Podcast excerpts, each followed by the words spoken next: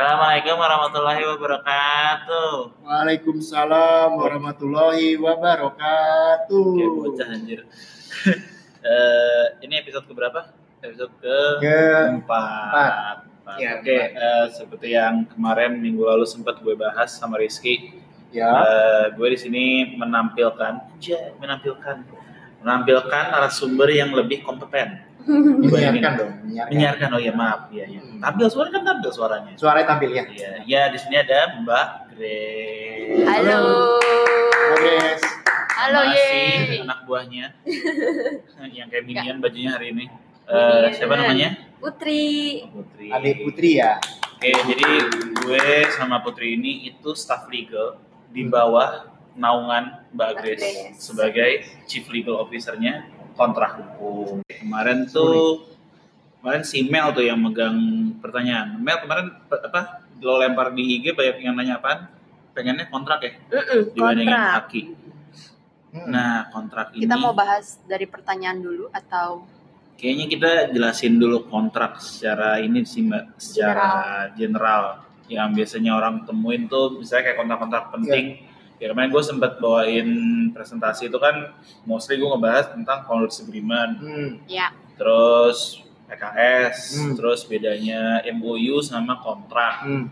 Nah mungkin start dari founders agreement kali. Founders agreement itu sebenarnya kan nggak terlalu common ya di sini. Maksudnya nggak nggak banyak orang tahu bahwa bisa bikin namanya founders agreement.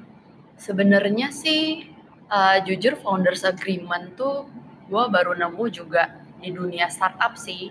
Hmm. Kalau di dunia em, usaha atau bisnis in general tuh mungkin lebih ke kayak perjanjian pemegang saham atau perjanjian Hmm. pendiri tuh lebih common didengarnya. Hmm. Cuman ya founders agreement um, memang kayaknya khusus buat startup. Kenapa? Karena startup itu ini kan apa maksudnya uh, identik dengan oh ya foundersnya siapa, oh ya uh, co-foundersnya siapa, makanya Hmm. timbul namanya si founders agreement itu. bahasa kerennya lah ya. Bahasa kerennya betul. Oke, Tapi sebenarnya ya sama kayak perjanjian pemegang saham aja sih sebenarnya. Hmm. Kayak komitmen eh gue sama lu mau bikin sesuatu nih kita bikin yuk kadang-kadang sama teman ah masa kita bikin agreement sih kayak nggak enak banget gitu Hmm. kayak Hmm. Aku ya. kayak kaku terus kayak ah masa sih gue sama let's say sepupu sendiri Hmm. sampai ada perjanjian eh gue tanda tangan lu tanda tangan ya gitu nah, makanya mungkin di dikasih bahasa kerennya founders agreement jadi ke- lebih ringan bukan kayak perjanjian pemegang saham masa sih kita mesti tanda tangan perjanjian pemegang sih. saham gitu kan Iya iya. iya.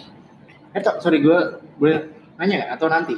Boleh silakan. Boleh. Silakan ya. Gue bebas. gue udah ini. Eh, udah hot ya kayaknya mau nanya banget, bener banget, bener banget.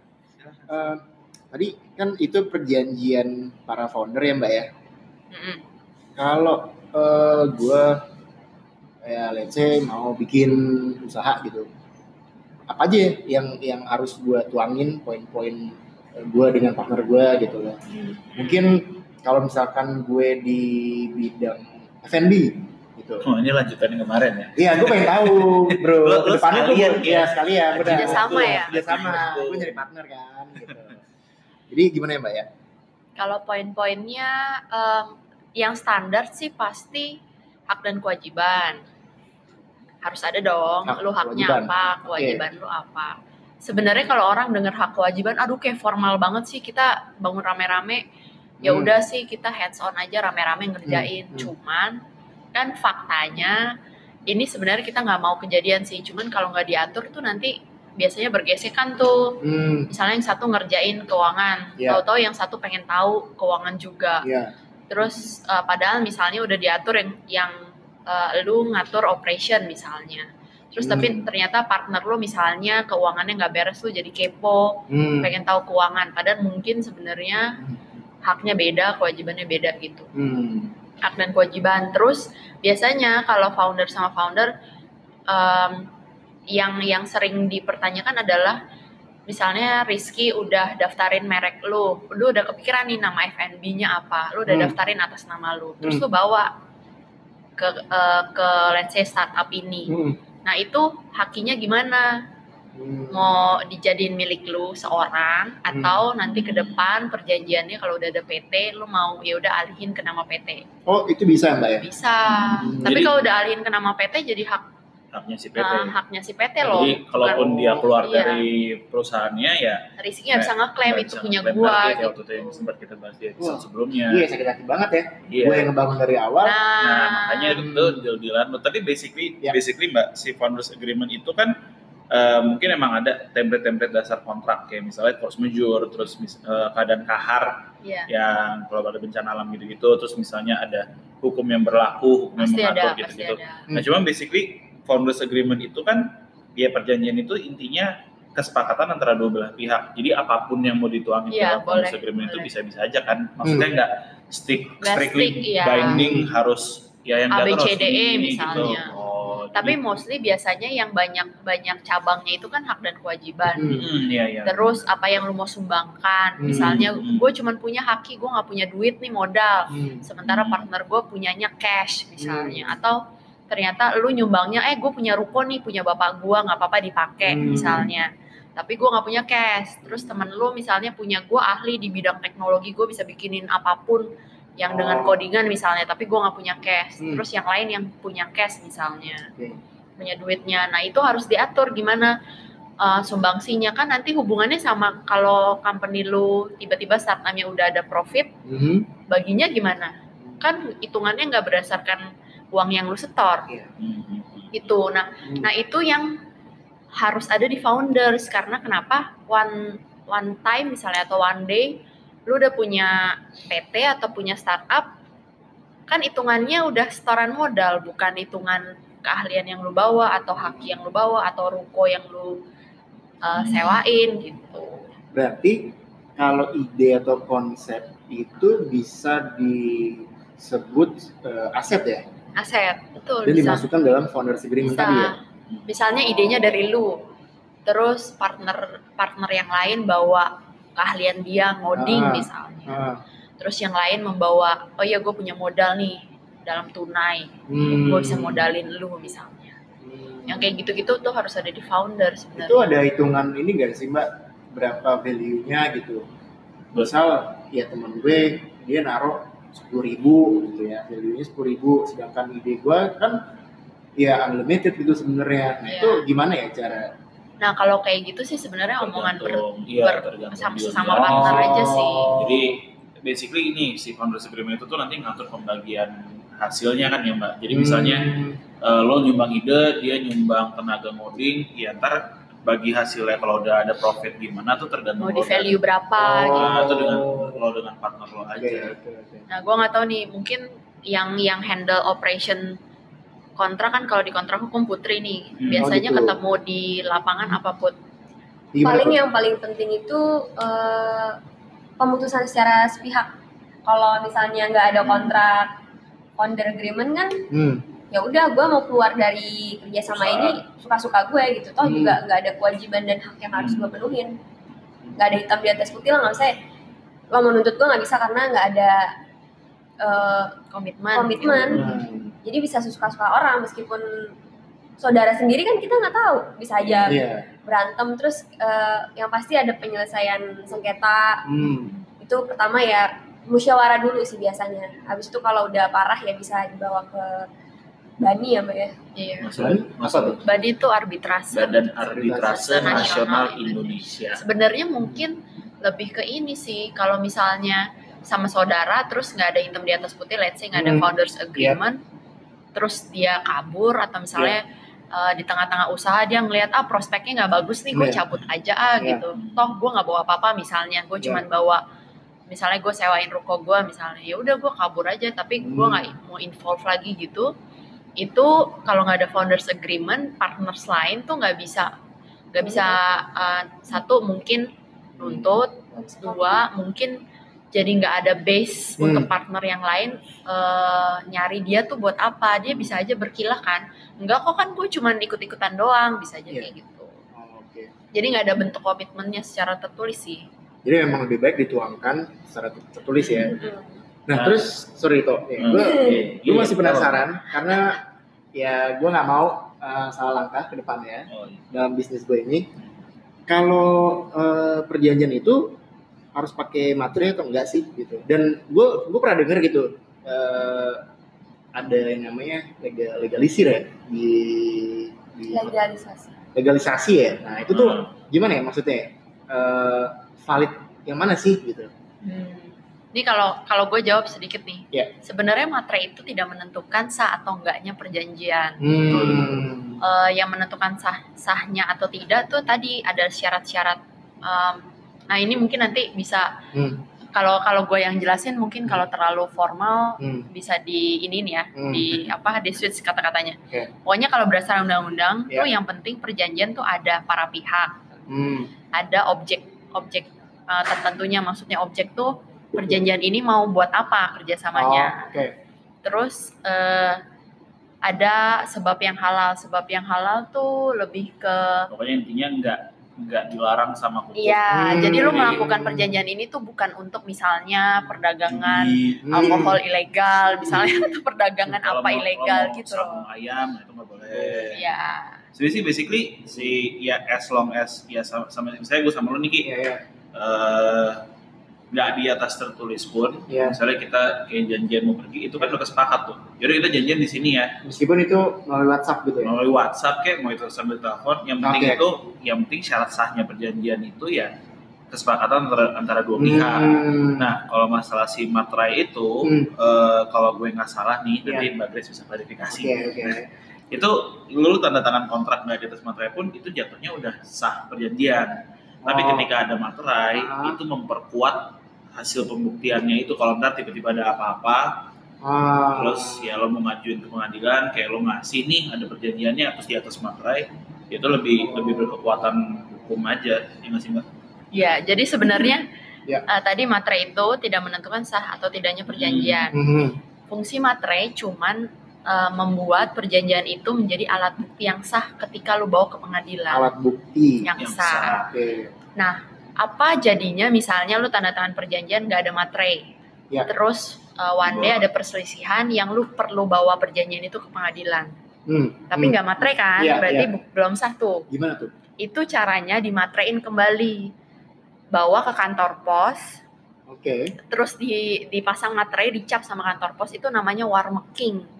Yes. Jadi tadi lu sempat sebut legalisir atau Hmm. legalisasi. Nah, Hmm. kalau misalnya lu tanda tangan perjanjian atau surat apa pun nih ya, Ya. Tidak di atas materai, Hmm. sah. Hmm. Tapi ketika lu mau bawa ke pengadilan atau lu mau jadiin itu alat bukti, tinggal dimaterin aja namanya warmaking. Nah itu si war making itu, misalnya gue sama Rizky nih mbak, eh Rizky yang tangan, gue yang pengen war making gitu. Hmm. Iya. Nah, itu gue perlu ada kesepakatan dari Rizky. Iya. Oh, Oh, gue enggak. sendiri aja bisa ya, karena itu kan ya untuk kepentingan gue biar Iya. lebih aman aja kan. Itu harus di kantor pos, Mbak.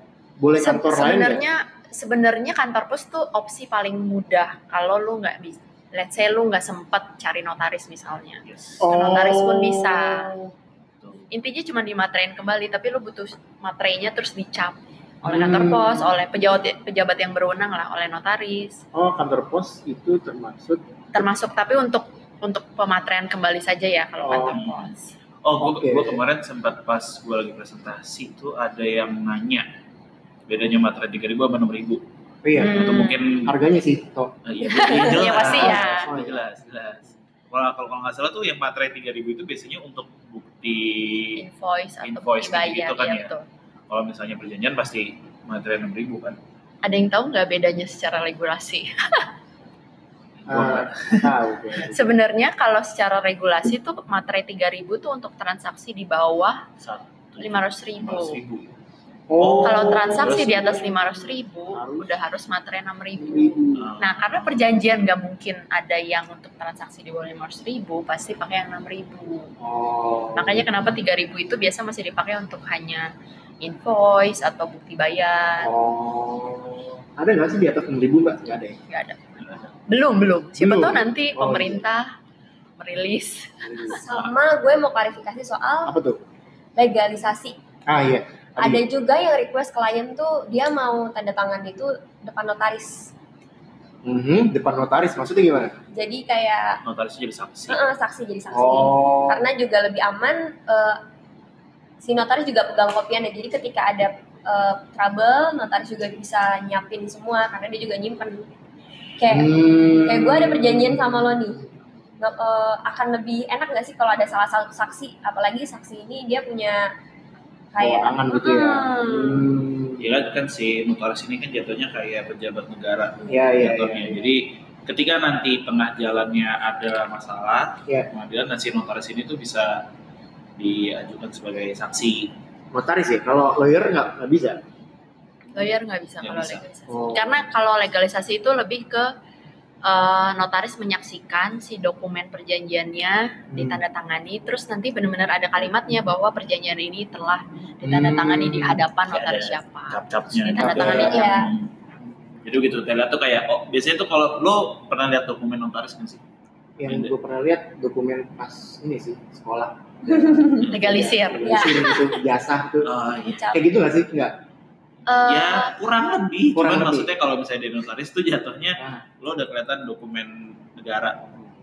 I see. dokumen negara. Nah, Oh, oke. Dokumen negara. Intinya gitu. Kalau legalisir tuh di bawah di bawah legalisasi lah kekuatannya. Di bawah. Kayak cuman lu kopian, gua notaris mencap bahwa Mhm. itu sesuai kopi.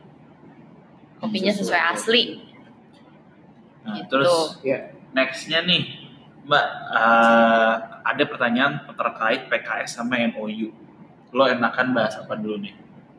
Serah MOU dulu kali. MOU dulu kali ya. PKS lebih berat soalnya bahasan. Sebenarnya sih itu agak mirip-mirip, cuman orang suka salah sangka. Hmm. Yes. Dikira MOU itu sudah cukup Mengikat. mengikat atau ya Bukannya iya. Setahu gue gitu. MOU itu sebenarnya cuman apa ya? Jadi MOU itu jatuhnya kan mem- mem- Memorandum of Understanding. Hmm. Jadi biasanya MOU itu dipakai di awal sebelum lo bikin kontrak. Oke. Jadi Iya, betul. misalnya gue contoh nih, contoh Ya, kasus ya, ya. lagi, gue sama lo, lo Ya, kan ya. FNB, Ya. terus misalnya gue lagi nongkrong sama lo nih, terus habis itu tok lo bikin lah, eh kita bikin yuk, misalnya apa gitu usaha Hmm. FNB. Hmm. Oh iya boleh boleh, apaan nih? Tapi Hmm. misalnya FNB-nya mungkin kopi, Ya. mungkin makanan, terus habis itu eh, kita mau bikin di mana, mau di mall, mau di apa? Itu prinsipal jatuhnya. Jadi si MOU itu isinya nggak formal, bikinnya nggak formal, terus isinya tuh nggak detail. Jadi cuman F&B, misalnya terus makan makanan Iya. atau kopi, terus habis itu eh, mulai tahun depan, terus habis itu jualannya di mana gitu-gitu. Tapi itu Hmm. nggak nggak mengikat secara hukum Ngambilkan secara hukum. karena MOU nggak dikenal di sini. MOU nggak dikenal di sini. Nah, apa bedanya MOU sama MOM? Karena mirip-mirip kan kayak lu sama Iya, gue iya, meeting, terus kita tuangin dalam satu draft, Hmm, persetujuan dua belah pihak gitu kan. Betul. gimana ya jelasinnya? Kalau MOM tuh lebih Mungkin kan itu kan minutes of meeting. Meeting. Gini, kalau MOU Nah. secara singkatan mirip. MOU tuh mem- memo- Memorandum of, of Understanding. Understanding. Dari Iya. artinya aja lu kan eh, itu Kenapa? mem- Lu kesel ya? Lu kesel sama Rizky ya? Ya. Karena gara-gara beda nama belakang lu bilang mirip. Ya, bilang soalnya kayak menuangkan. ya ya Gak ya. apa-apa, ya. Iya. bukan bukan anak hukum. Iya, iya. Gak apa-apa. Kalau gue anak Wajar, hukum, wajar. Kita wajar. Enggak, karena karena mungkin mirip karena singkatannya doang mirip, tapi Iya. kalau Iya, iya, iya. di- Dijabarin dijabarkan, beda. beda. Beda. MOM itu ini bahasa Inggrisnya mak, Ma, mam. ma. Mam. Eh, bukan, Iya. bukan. Enggak, enggak, bukan ya. Enggak. Anak hukum tuh emang banyak singkatan. Iya. Dan emang orang awam kadang-kadang nggak ngerti apaan sih nih orang Iya. anak hukum tuh kalau kalau nyingkat perizinan segala macem Oh. di kita sini. capek nulisnya udah. Iya. Karena Jadi, terlalu panjang. disingkat gitu. Habis gue kayak ngebayangin sama aja kita ketemu, kita tuangin bareng, udah selesai sama kan gitu. loh. Kan Poin-poinnya kita tahu sama tahu. Kita Eh, nggak PKS di sini sama Iya. PKS yang di politik beda kan? Beda, Iya. iya. Oh baik, betul. Iya, Mak, maksud gue itu. Jadi Oh. singkatannya udah beda jauh. Oke, Iya. yang satu, eh, ya oke. Iya udah. Yang satu MOM minutes of meeting, yang satu memorandum of understanding. Kalau MOM sebenarnya cuman kayak administratif aja lu meeting dicatetin Mm-mm. summary-nya. Hmm. Betul? Betul. Pernah meeting kan? Pernah meeting kan? Kan? Kita kemarin baru meeting. Iya. Iya. Ada ada meeting. ada summary-nya. Ada summary-nya, oke. Kalau MOU Eh, lu ngobrol, Iya. Lu sepakatnya apa misalnya Hmm. gue mau bikin kerjasama sama Rizky Hmm. oke Ki kita mau Hmm. kerjasama apa Iya. F&B kopi oke kopinya apa Nah. ibaratnya kalau di sini MOU kan nggak dikenal tuh seperti yang tadi Dito bilang Hmm. Hmm. kalau yang dikenal di Indonesia mungkin lebih ke SPK kali jadi MOU itu bisa selembar doang Hmm. isinya cuma oke Poin-poin. yang kita kerjasamakan apa waktunya kapan periodenya kapan pekerjaan lo apa pekerjaan gua apa that's it udah dan Tapi nanti yang yang jadi bukti lo mengikat buat ke misalnya buat pembuktian, Ya. yaitu kontrak. Itu PKS-nya. kontrak Perjanjian itu kerjasama. nanti kan di, di dalamnya kan lo menjelaskan lebih detail kayak di founder agreement ada hak dan kewajiban lo jelasin juga hak dan Hmm. kewajiban terus hukum yang mengatur penyelesaian sengketa jadi ya lebih lebih bentuknya- Formalnya. Ah, formal dan bentuknya kan secara, secara pasal kan kalau Pasal, kontrak iya. per pasal kalau MOU itu kan pasti orang nanya "Ya, terus gue ngapain bikin MOU Iya. jatuhnya tuh ya MOU pelengkap aja jadi Jatuhnya gini deh. Eh, mungkin secara timeline gini, kenapa orang banyak bikin MOU Iya. dan kebanyakan orang salah menganggap MOU itu PKS tuh kenapa? Karena biasanya orang meeting gini, terus orang Indonesia tuh maunya cepat klik jadi gitu. Oh. Nah, Kan kalau perjanjian nggak bisa main sekali bikin dalam sejam lu ngomong jadi jadi perjanjian Hmm. gitu, karena kan harus dipikirin kata-katanya tuh. Hmm. Eh, biar misalnya gua misalnya kita deh berempat atau berlima sama Mel mau kerja sama terus kita meeting. Nggak bisa langsung jadi perjanjian. Apa yang kita bikin? Ya udah kita bikin MOU aja hasil dari meeting ini supaya at least kita keluar dari ruangan ini tuh kita udah sama-sama komit ada bahwa kita mau lah.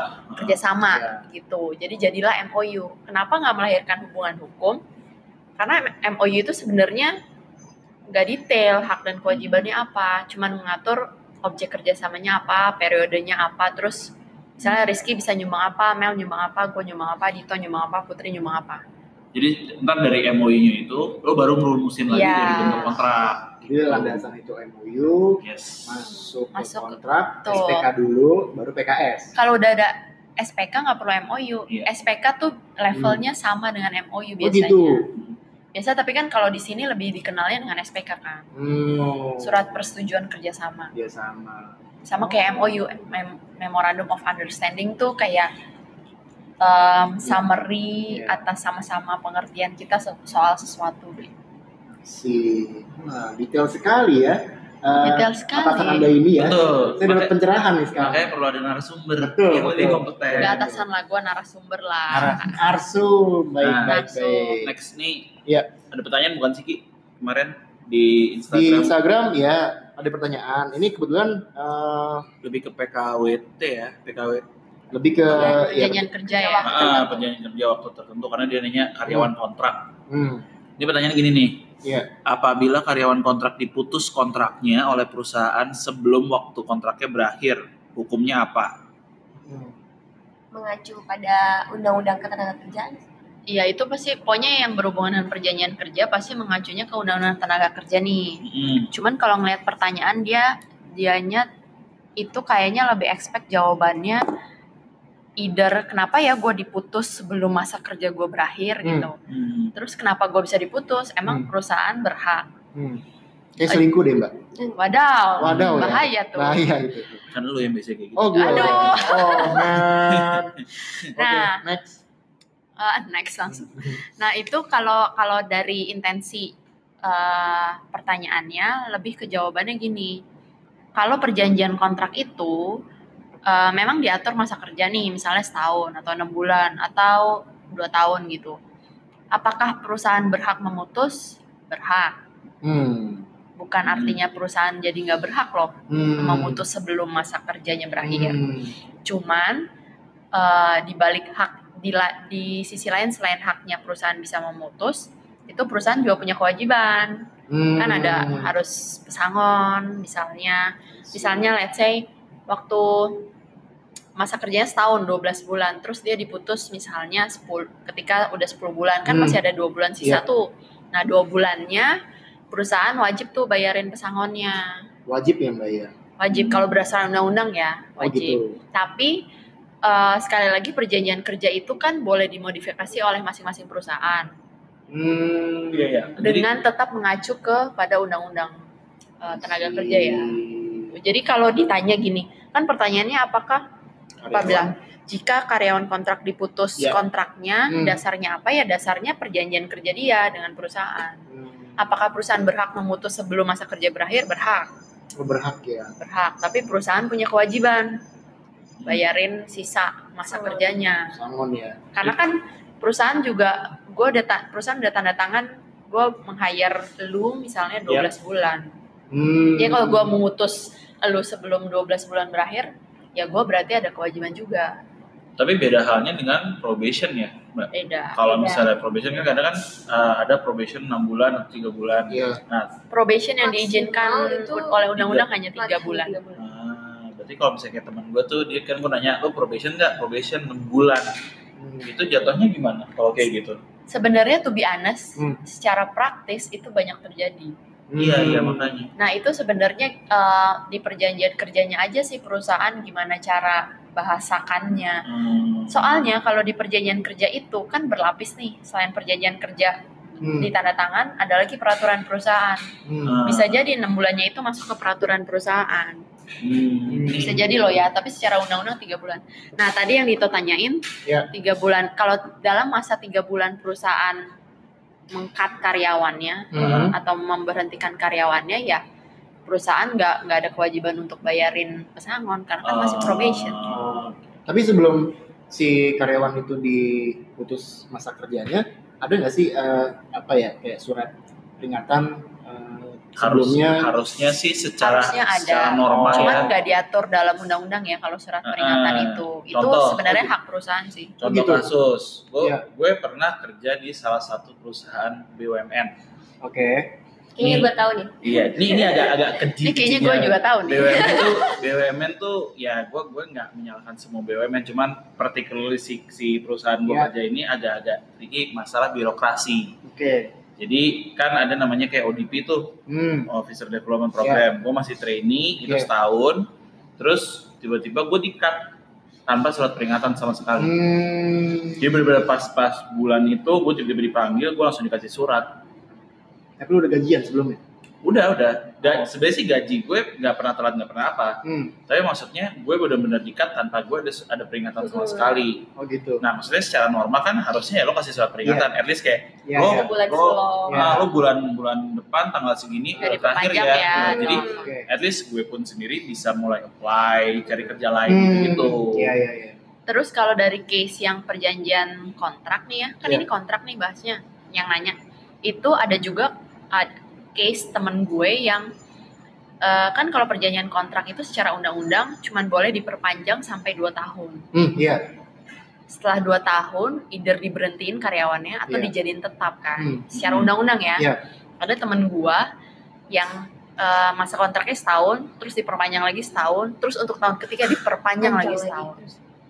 Terus aja diperpanjang sampai 10 tahun masih kontrak terus. Ini, Kan sebenarnya secara undang-undang seharusnya gua tidak juga boleh. Ini gue juga tahu. ini suatu rekan kita yang dulu bekerja di suatu perusahaan, Perusahaan besar perusahaan biasanya besar ya. justru Iya. yang harus eh, karyawan tuh calon karyawan ya atau enggak eh, Hmm. yang lagi nyari kerja itu yang aware tuh jangan mentang-mentang udah "Eh, perusahaannya bagus nih gede Iya. tapi nggak dilihat dulu ini isi perjanjiannya karena menjebak loh ini perjanjian Hmm. Iya gue jadi inget temen gue juga ada kerja di temen lo ya agensi, iya ada. Oh, Ini iya. agensi ya? Gue kayak kenal juga sama teman lo ini. Iya. Apakah Kayaknya kita saling kenal. Iya, ya. teman Dunia lo ini teman atau- kita juga. ini curhat pribadi Sebut-sebut kamu. Kan kita Oh, tidak sebut nama. Oh, sebut nama. Hanya Baik, saja ada kemungkinan. Baik, baik. Jadi tuh eh, dia udah habis 2 tahun masa kontraknya, terus diminta untuk seolah-olah dia resign. Tapi dia sebenarnya masih bekerja di company itu dan tetap masih digaji. Itu ya Ya itu pada prakteknya memang banyak sih, Oh. even perusahaan besar ya, eh, banyak yang diakalin seperti itu sih. hmm, Cuman ya itu kembali lagi eh, kalau kalau secara undang-undang sebenarnya nggak boleh. hmm, hmm. Kan tergantung perusahaan itu Hmm. diaudit nggak. Kan kita nggak tahu Oh. kalau ada random check dari Kementerian Tenaga Kerja ya sebenarnya sih kalau udah perusahaan besar pasti HR-nya punya satu teknik-teknik tertentu untuk mensamarkan yang kayak gitu-gitu tuh. Nah itu tapi eh buat sobat KH yang mungkin karyawan swasta atau mungkin karyawan company besar ya Iya. harus aware juga sih Iya, dengan yang kayak gitu-gitu. Jadi emang, emang basically sebenarnya eh, semuanya sih. Jadi mau PKS pun, mau kayak PKWT apa PKWT, PKWTT itu paling penting lu kalau misalnya mau ada perjanjian sama orang, Hmm, lo baca deh. Bener-bener sampai habis. Karena ya itu karena kan kadang apalagi kayak gue kemarin kayak dulu gue butuh kerjaan nih. Hmm. ya udah begitu dapat begitu dapat apa kontraknya udah gue tanda tangan deh yang penting gue kerja dapat duit. Iya, iya. gitu. Tapi kadang kan ya kalau ada yang kayak tadi perusahaan-perusahaan kayak temen lo kerja itu kan Iya. bahaya juga. Kadang-kadang kan ya lo kerja ngoyo gitu-gitu tapi ternyata ya dicurangi. Iya. Dicurangi. ya sebenarnya sih balik lagi Iya. setiap kontrak apa pun itu eh, kan kesepakatan antara para pihak ya Hmm. Oh Jadi, iya iya iya iya. jangan takut untuk nanya Ya. atau protes Hmm. karena lo juga punya kewajiban dan Iya. hak untuk itu Bener banget sih. Mungkin ya sobat KH ada yang takut kan. Hmm. Daripada gue gak dapet kerjaan, daripada gue ditolak akhirnya mending ya udah deh gue tantanganin aja kan gitu. Tapi emang lebih baik itu di- Dibaca sih, dibaca, baca ditanya juga ditanya maksudnya juga ya. Ini berlaku juga untuk yang tadi founders agreement ya. Founders- oh, Oke. Walaupun iya. dengan teman sendiri, dengan sepupu sendiri memang harus dibaca sih karena uh, kita nggak tahu lima tahun ke depan kalian jadi apa, mungkin berhasil, mungkin gagal Hmm, gitu. benar.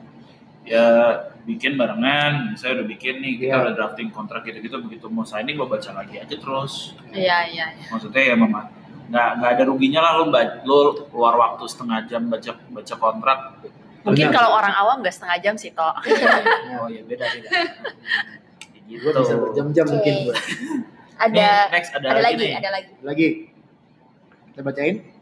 Agar partner tidak mundur tanpa berita. Gimana? Ini dari Ed, Ed siapa nih? Nggak tahu. Nggak tahu ya. Aduh bacanya susah aja. Iya, Iya. susah. Sok pertanyaannya lah. Hmm. Apa baiknya founders agreement atau NDA dulu? Hmm. Untuk Nggak tahu. Pertanyaan gitu doang. oh agar partner tidak mundur Tanpa berita. Jadi Berita. maksudnya oh, ya, biar gak tiba-tiba ngilang gitu Baiknya ya. founders agreement atau NDA dulu. dibarengin Yes. Bisa. NDA Karena- itu bisa masuk di iya itu kan. NDA itu bisa dimasukin ke dalam kontrak Founders founders agreement. agreement Tapi sebenarnya NDA Hmm. itu apa sih? Iya. NDA itu kan sebenarnya perjanjian kerahasiaan. Jadi menurut gua sih kalau misalnya untuk mencegah partner lu kabur ya founders agreement yang penting. NDA-nya masuk ke founders agreement. Oke, apa aja yang dirahasiakan? Yang suka-suka lu. enggak kayak Aku punya rahasia, kamu nggak boleh Lo mau kepo. privasi, ternyata, privasi, lo ternyata bini lo 10 disuruh rahasiain ya bisa-bisa aja. serius lu? Bisa. Bisa. Ah, Jadi kan lu bohongin gue ya. Nah, kalau kalau dari kalau yang standar sih informasi rahasia nih di Hmm. di dunia startup pasti kayak misalnya lu ide lu apa, Oh. ide untuk startup itu apa, terus bisnis model lu kayak gimana, Hmm. terus misalnya eh, perusahaan lu teknologi basis misalnya source code-nya nggak boleh eh, ketahuan, terus misalnya codingannya nggak boleh ketahuan, terus lu kerja sama sama siapa aja, misalnya lu punya vendor-vendor atau Hmm. supplier tertentu gitu, Hmm. jangan kasih tahu yang kayak gitu-gitu sih, lebih lebih ke bisnis related sih, karena kan kalau di dunia startup kompetitor banyak ya, Iya. ya secara kompetitor kita aja banyak Hmm. gitu, jadi ya itu yang harus di- diperhatikan sih. Oke. Tapi itu dijamin kerahasiaannya. Biasanya kita ngikat, gimana cara ngikatnya? Dimasukin ke founders agreement. Oh. Misalnya, Oke. Eh, kita kerjasama berempat, terus misalnya Rizky nanti mau exit misalnya. Kenapa gue ya. Mbak ya? Yang lain dulu aja deh. kan Ya misalnya Misalnya, Misalnya, oke baik. misalnya. misalnya. Grace Monica Oh, exit. ah, iya. Nah, Jangan dong Mbak, nanti nggak ada Mbak Paulina Paulina telenovela lagi. misalnya siapa Oke. deh exit gitu ya. Itu diatur misalnya dalam jangka waktu 2 tahun setelah dia exit, dia tidak Hmm. boleh misalnya membocorkan rahasia atau tidak boleh eh, bekerja di perusahaan dengan bidang yang sama selama 2 Hmm. tahun misalnya. Yang kayak gitu sih. by way gimana kita tahunya ya? Ya kita nggak bisa ngedetect juga Iya. itu sebenarnya iti- itikat baik Itikat juga. baik aja ya. Oh. Cuman alangkah baiknya kalau bisa diatur di founders agreement. Jadi NDA itu masuk aja ke founders Founders agreement. agreement. jadi sebenarnya. satu klausul. Iya. Jadi misalnya pasal berapa, Hmm, yaitu kerahasiaan. rahasia. nggak perlu dibuat terpisah. Hmm. Jadi ya dua-duanya bisa masuk tuh. Hmm. Gitu. Oke, oke, oke. Oke, next next. Jadi udah kan- dijawabkan ya dari pertanyaan Hmm. eh, Ed ya itulah tadi ya. Baiknya founders agreement kan, tadi mana duluan? Ya bisa dimasukin dua-duanya barengan. Tuh. Oke, ini nextnya. Oke, kontrak apa aja yang harus diperhatikan sebelum mendirikan BT? Founders agreement. Ya betul. shareholder agreement juga Shareholder bisa. bisa. Tunggu tuh, apa itu shareholders agreement? Jadi Hmm. mau dibahas sekarang atau gue sih penasaran sih. Sebenarnya, Penasaran kepo. oke, jadi shareholders agreement itu bahasa Indonesia perjanjian pemegang saham. Oke. titik Itu Itu soalnya kalau kita jelasin tuh banyak banget. banyak banget ya. Kayak segmen-segmennya. Jadi nanti mungkin next episode Next episode. akan Next kita bahas. Ya. Kalau kalau yang lain kepo nanti siapa Boleh, tahu nah, na- itu nanti narsumnya Request request Ini ke boleh ini. juga nih kan Admin yang suka ngepost tuh. Ah. Yang kayak, kayak kemarin nih. Hmm. Karena banyak yang request kontrak akhirnya Hmm. di up nih kontrak. Kontrak. Nah, ini siapa kan tahu kalau penasaran yang ini bisa nah di apa terkait nih si nextnya. perjanjian saham, pemegang saham, lo lo boleh tuh DM aja tuh adminnya, biar adminnya juga Pengen tahu trader. apa gitu. Eh, gue Hmm. penasaran nih. Ayo dong Eh, bahas, kayak gue gue pengen tahu saham nih gimana caranya gitu gitu gitu. Nah siapa itu tahu narsumnya beda kan? Ah, bener banget. Gue udah dua kali ketemu narsum di sini nih. mm-mm. Ada Mbak Rike, ada Mbak Grace. tuh Siapa nih. nextnya narsumnya berbeda. Gue berharap cewek lagi ya. Eh, Mungkin nggak? Mungkin dong. boleh Oke. jamblang. ya udah. Gua jamblang. Jadi ya gitu, ntar dilanjut aja ya nanya-nanya terkait si saham buat nanti kita bahas di selanjutnya. Thank you ya guys. Thank you. Thank you. Pantun dulu, pantun. Gua sepat. Enggak, enggak, enggak. Oh, nggak ada pantun. Nggak Nggak ada, ada Nggak ada pantun. pantun. Oh, iya, oke. Yaudah. Baik. Baik. Terima kasih. Terima kasih.